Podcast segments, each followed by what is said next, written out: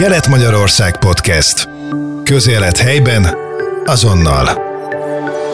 Sok szeretettel köszöntöm a mai podcastünk hallgatóit. Kezdhetném úgy is, hogy néz, néz az ég felé, hiszen az elkövetkezendő percekben Nyíregyháza repülőteréről, repülős életéről, a pilótaképzésről fogunk beszélgetni, és ehhez olyan nagyszerű partnert nyertünk meg a beszélgetéshez, Horváth Pétert, a Trainer Kft. ügyvezető igazgatóját, aki maga is pilóta, valamikor a magyar műrepülő válogatott tagja volt, és immár több mint 30 éve az átalapított cég nevéhez fűződik a Nyíregyházi pilótaképzés gyakorlati része. Sok szeretettel köszöntöm a szerkesztőségünkben Horváth Péter. Köszöntök mindenkit, aki hall bennünket. Először szeretném azt megbeszélni, hogy régen ismerem a, a Nyéki Zsolt urat. Ő sem említette, hogy 30 év, és megbeszéltük, hogy tegeződni fogunk. Jó, olyan régen ismerjük egymást, és sok mindent tudunk egymásról. Nagyon szépen köszönöm. Valóban így természetesebb és könnyebb, hiszen nagyon régről datálódik a mi szakmai kapcsolatunk, baráti kapcsolatunk, és hát hadd jegyezzem meg, hogy szakmai körökben amúgy is dívik a tegeződés, és valamikor én is tanultam itt Nyíregyházán repülőgépet vezetni, úgyhogy sokszorosan alá van ez támasztva. Nos hát én az első kérdést fel is tenném, ami szerintem a legszakmaiatlanabb kérdés lesz a beszélgetés során. A Nyíregyházi repülőteret építették közel a városhoz, vagy a város terjeszkedett az idők során közel a repülőtérhez, és még mielőtt ebbe belemennénk, mondanék néhány számot. 1912 az első repülőnap Nyíregyházán. 1927 Nyíregyháza város előjárói szándéknyilatkozatot tettek a nemzetközi légiforgalmi élethez kapcsolódáshoz, tehát egy repülőtér alapításról volt már ekkor szó, a tervezett költség 120 ezer pengő volt, a végén egyébként, mire elkészült a repülőtér, megközelítette az összeg a 400 ezer pengőt. Egy szóval ez a repülőtér már 100 éve itt van. Mit lehet mondani azoknak, akiket esetleg zavar a repülőtér forgalma? Hát azt szeretném mondani, hogy a repülőtér tényleg száz éve ott van, és ezáltal városlakók ismerik, hogy a közelségét is. Én azt tudom ezzel kapcsolatban még kiemelni, hogy mint repülőtér üzemeltetők és a repülős képzéssel foglalkozó szervezet, hiszen én is most 45 éve repülök már a Nyíregyházi repülőtéren, és tudom, milyen zajhatások értek. Abban az időben is voltak már problémák ott a, a vár, város felől, a, nyugati, a repülőtér nyugati oldalán a, a Sósta erdőben lévő kórházban volt egy fülorgégész orvos, akit nagyon zavart ez, de azon kívül más nem sok mindenkit. Ott is zajméréseket végeztek meg egyebek, de kiderült, hogy a betonkeverő sokkal nagyobb a zaj hatása, mint a, a repülőgépnek magának. Tényleg van, akit zavar a repülés, valaki meg szereti hallgatni. Na most én azt tudom erre mondani, hogy mi törekszünk arra, hogy lakosságnak mindenféle reagálására megfelelő megoldásokat találjunk, de bizonyos nem tudjuk arra, egy dolgot azért nem tudunk megcsinálni, hogy arra vigyük a repülőteret. E, azt tudjuk, hogy más típusú repülőgépet vásárolunk, aminek kisebb az zajhatása. Nem akarok ebbe belemenni. Törekszünk arra, hogy minél kevesebb e, zajhatás érje a várost, de ha valaki egyáltalán nem zavarja azokat, akik 40-50 év a repülőtér közelében laknak, mert tudják, hogy mi volt régen és mi van. Régen hat műrepülő légtér a város körül, a százas légtér, a hét műrepülő légtér volt Nyíregyháza körzetében, műrepülőgépek, ami tízszer akkor az ajt bocsájtottak ki, azok is 6-7 repült, és a teljes egész város lefették. Műrepüléssel és zajjal. Én úgy gondolom, hogy ezt tényleg rövidre lehet zárni azzal, hogy aki a repülőtér közelébe költözik, pontosan tisztában van azzal, hogy milyen helyet, helyszínt választott. És hát a repülőtér fontosságát azért az elmúlt száz év többször is alátámasztották különböző korszakok. Katonai hasznosítás mellett a polgári célú hasznosítás, és akkor itt még a történelemnél marad egy kicsit, 1933-ban Bencs Kálmán polgármester köszöntötte az Olaszország adományaként Nyíregyházára repülő Fiat BR2-es gép személyzetét, Tehát, de ha tovább megyünk a közeli múltban, azért az elmúlt 10-20 évben is láthatok azt, hogy rendkívüli helyzetben milyen fontos szerepet játszott a Nyíregyházi repülőtér árvízvédelemnél, hóhelyzetben, amikor itt állomásoztak azok a helikopterek, amelyek a kenyeret vitték a hótól elzárt településekre, vagy a mentőegységeket az árvíz idején, ugye 2000-es árvízre, ha visszagondolunk, azt hiszem, hogy ez mind igazolja a létjogosultságát, és akkor majd még beszélünk a gazdasági hatásokról. Így van. A, én is tanul, én is e, megélője voltam annak, hogy megkerestem a lámpasort, e, hogy nagy hóhelyzetben repülőtér is ugyan nagy hó volt, mint máshol. Azt hitták, hogy hol a pálya. Ezt az ember e, megpróbálta megkeresni, megtalálni, megtaláltuk, és azóta minden évben egy kettő méteres fehér műanyag könnyen törhető rúddal megjelöljük a, a pálya szegélyfényeket, és ezáltal a humor, humoronok is adunk lehetőséget, eh, hogy pontosan a repülőtért vagy a pályát területéről takarítsák el a havat. Szóval eh, tényleg nagyon sok helyzetben a megyét, a megyének térség körzetét eh, segítette ilyen vészhelyzetekben, de számtalan ilyen dolog van. A tűzoltók gyakorlatát segítette korábban, a pilótaképzést, ami, ami egy nagyon fontos része a repülőtérnek. Itt a keleti csücsökben azért gazdasági szempontból is nagyon fontos, hisz kisebb jettek, repülőgépek, gyárak, üzemek, ide látogatók, vagy akik befektetni szeretnének, és azoknak általában feltétel szokott lenni az, hogy egy meglévő repülőtér, ahol ők ezt a fajta gyors ideérkezésüket, ideutazásokat meg tudják oldani. Igen, valóban ezt én is meg tudom erősíteni, hogy több befektető mielőtt eldönti, hogy, hogy hol épít gyárat, valóban a sok-sok feltétel mellett ott, ott szerepel az is, hogy legyen egy stabilan, biztonságosan üzemeltetett repülőtér elérhető közelségben, tehát de térjünk az oktatásra. 1968 egy hatalmas mérföldkő, ekkor indult el az országban először, és azóta is egyedülálló módon Nyíregyházán a felsőfokú oktatási rendszerbe illesztett pilótaképzés. Ezt hogy lehet értékelni ma, visszatekintve erre?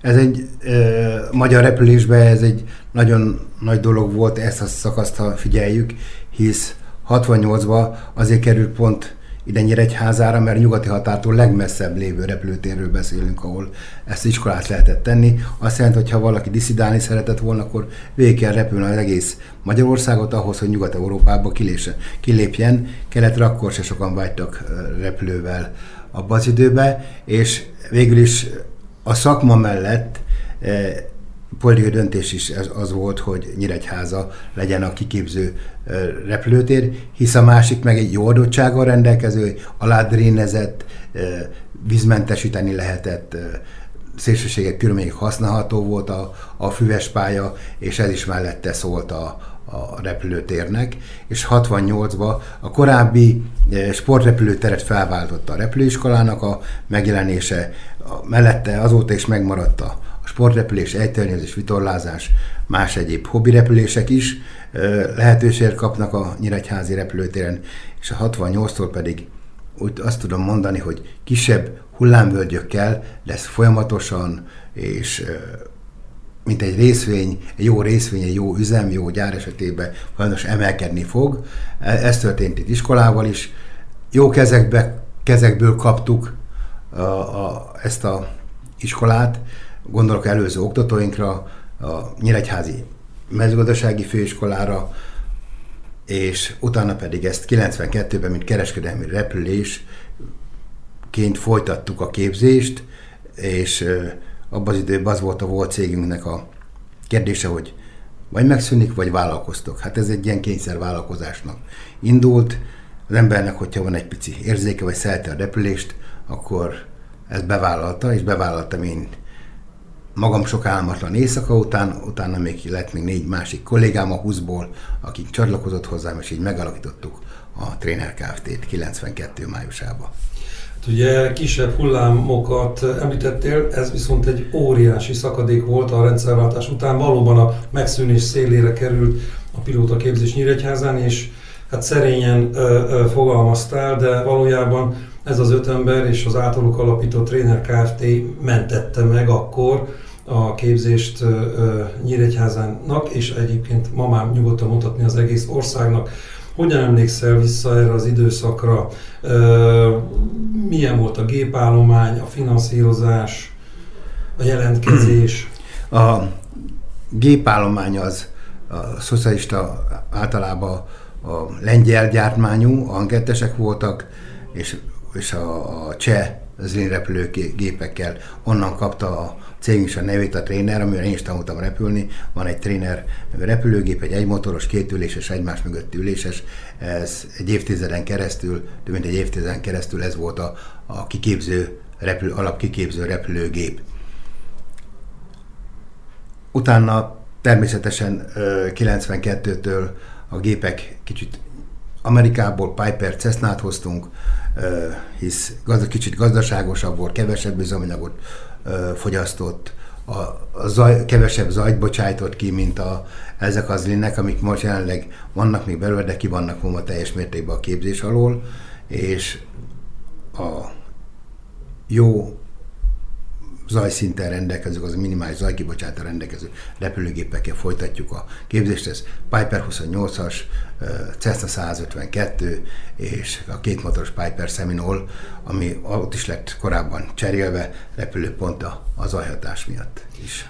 Az akkori mélypontot jól jelzi a hallgatói létszám is. Én emlékszem, hogy durván olyan, olyan 30 évvel ezelőtt készítettem interjút az évfolyammal, a repülőmérnöki hallgató évfolyammal, négyen voltak, és köztük volt az a Bóna József is, aki ma már a Vizernél pilóta, hajótanú kapitány, és egyszer egy brüsszeli hazaútról, ez még a szeptember 11 előtt volt, egy brüsszeli budapesti járaton ő mondta be a paramétereket a levegőben, stewardesszel bekéreckedtem, és, és nagyon megörültünk egymásnak.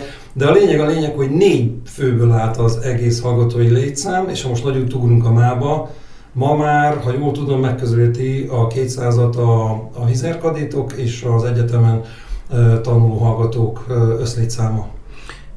Igen, tényleg ez egy mélypont volt ez a négyfős évfolyam ha röviden kitértek rá, az abból adódott, hogy 144 ponttal vették fel a hallgatókat, az volt a maximum, és, és akkor 6 fő lenne államilag finanszírozott, és 143 pontosból volt még 6 fő.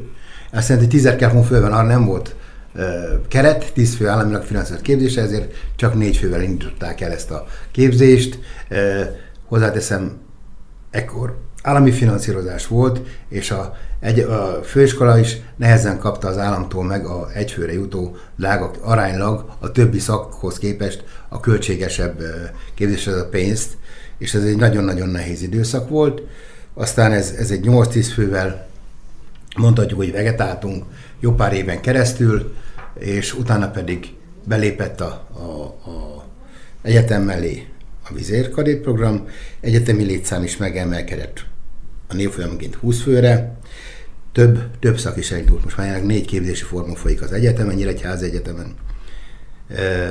Egyik a BSC, az hétfél éves, a másoddiplomás prostgraduális képzés az, az is szintén az négyfél éves, a úgynevezett foszkos indult, érettség után négy, négy fél éves, és a stipendiumos az hétfél éves idegen nyelvű képzés, a stipendium alapítvány fizeti a külföldi hallgatóknak a képzését.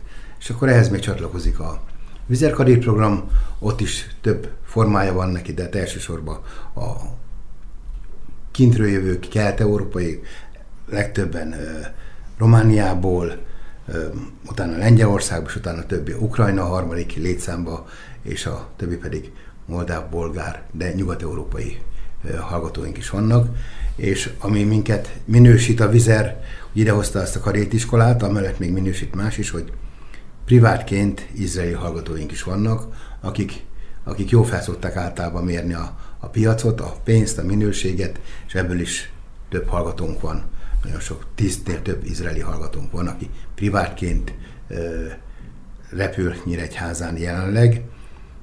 Én úgy érzem, hogy ö, jó úton vagyunk, amiről nem beszéltünk korábban, hogy Molnár Tibi társamnak, meg saját magamnak a fiunk, fiaink is itt vannak, és dolgoznak, együtt dolgoznak velünk, úgyhogy a, a cégnek a jövője is van, és len, van kinek átadni ezt a feladatot, ami, ami, ami elég teljes az, hogy, az, hogy jók legyünk.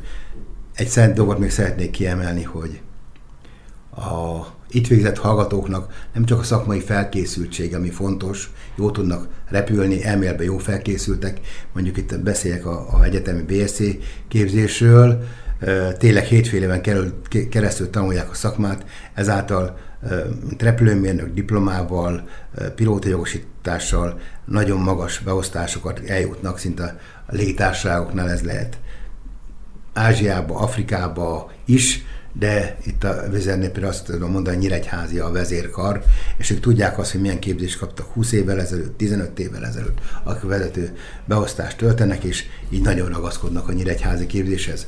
És ami tudjuk nagyon az élben még egy nagyon-nagyon fontos dolog van, az, hogy egy pilóta legyen fegyelmezett, ismerje az óráját. Na ezt mind nálunk számon kérjük rajta, hogy fegyelmezett legyen, felkészült legyen, és ami pilótának elengedhetetlen, hogy korrektül felkészüljön a feladatára, és ezt megfelelő alázattal tegye, tudja mindig, hogy hol a helye, ő az első tiszt, ki a kapitány, ki a főnök, ki a beosztott. Ezt mi tisztázunk itt a képzés folyamán, és ez ö, minőségileg egy olyan pluszt ad az egészre, hogy itt vannak és csinálják a képzést, és ragaszkodnak hozzánk. Egy dolgot, ami meg szeretnék még emelni, nem politizálva, de a városnak, az egyetemnek és cégünknek mindenki ezért dolgozik. A város is sokat hozzátesz, hisz ad egy repülőteret ehhez a, a gyakorlati képzéshez, és a egyetem pedig a elméleti képzés egy részét a mérnökök esetében adja hozzá, mi pedig úgy mondom, hogy a gyakorlati résznek minden, minden csinyát, binyát átadjuk, hangsúlyozom a vizerkaré programba, azt önállóan végezzük az egyetemtől függ, függetlenül és angol nyelven folyik a képzés. Nagyon jó vizsgáredményekkel rendelkeznek a hallgatóink. Nagyon belemerültem egy kicsit a beszédbe, egy utolsó téma, de majd Zsolt még kérdez tőlem, hogy a, e, mert dicsekedni szeretnék egy picit, hogy katonai szálltópilóta képzést megkapta a Trainer Kft. Azaz ide jön a nullárt nulla repült órával, vagy kevés repült órával egy katonai pilóta, és most el fogjuk engedni, mint katonai szállítópilóta. Magyar honvédség fizeti a gyakorlati képzését a TNL Kft-nek, ezért a képzésért. Jelenleg négy katonai szállítópilótánk van képzés alatt, akik nagyon jó teljesítenek, novemberben és szeptemberben kezdték vizet kadétokkal együtt párhuzamosan megy, megvan a versenyhelyzet, ők is Airbus 319-esre fognak repülni, úgyhogy, és polgári szakszót kapnak, nem nagyon volt ilyen korábban ilyen, és én ezt a honvédségnek is kiszoktam emelni, hogy valaki szívesen elmegy katonának, de hogyha van egy polgári szakszolgálati engedélye, és a honvédség, Magyar Honvédség a képzése 10 évet követel meg, és Airbusra fog repülni, hamarabb lesz neki szállító pilótája. Ezt tisztáztuk is a, a honvédség vezérkarával, most, most egy pici, pici átalakulás volt, de ettől függetlenül a többiek is tudják, hogy miről van szó. Szóval polgári szakszót kapnak katonák, és ugyanazt a képzést, mint egy vizeres kadét vagy egyetemi képzés, úgyhogy ezt fontosnak tartom. Szó volt arról az előbb, hogy nagyon fontos, hogy itt a fegyelem, a precizitás. Biztos vagyok benne, hogy az elmúlt 30 évben volt kísérlet protekció kérésére, hogy ezt vagy azt a jelentkezőt, hallgatót vegyétek fel, mert befolyásos személy az apuka vagy a, vagy a rokonság. Ilyen szitúra hogy ö, ö, reagáltatok? Mivel idén nyáron én 43 éve leszek már oktató ezen a repülőtéren, most nem is a 30 évre, hanem picit visszább lévünk a rendszerváltás előtti időszakra. Hungarkontrollnak akkor még Elerének a, a, a vezetőjének a gyereke, vagy valaki más. És akkor azt mondtuk, hogy nem szeretnénk együtt a koporsója, gyerek, gyerekek koporsója mellett megállni. Ezt, ezt durván fogalmaztuk a végén, csak megértette a végére, sok magyarázkodás mellett, hogy nem alkalmas az ő gyereke pilótának. Na most ez nem egy ember mondta ki ezt, repült vele, nem egy, hanem másik, már két-három oktató oktatta, és akkor ki kellett mondani ezt. Most nem ilyen durva szokott lenni ez a, ez a megállapítás, de van egy felvételi rendszerünk, azon szépen folyamatosan átmegy, ez pályakalmassági, reporvosi, pszichológia, matematika, fizika, angol, ezekből szépen teljesít, ennek megvan a módszertana, ezt egy külön cég végzi, és akkor abból ő kiadja, hogy hány százalékban lesz alkalmas, vagy tudja befejezni. Most mi felhívjuk a hiányosságaira, azt, azt lehet pótolni.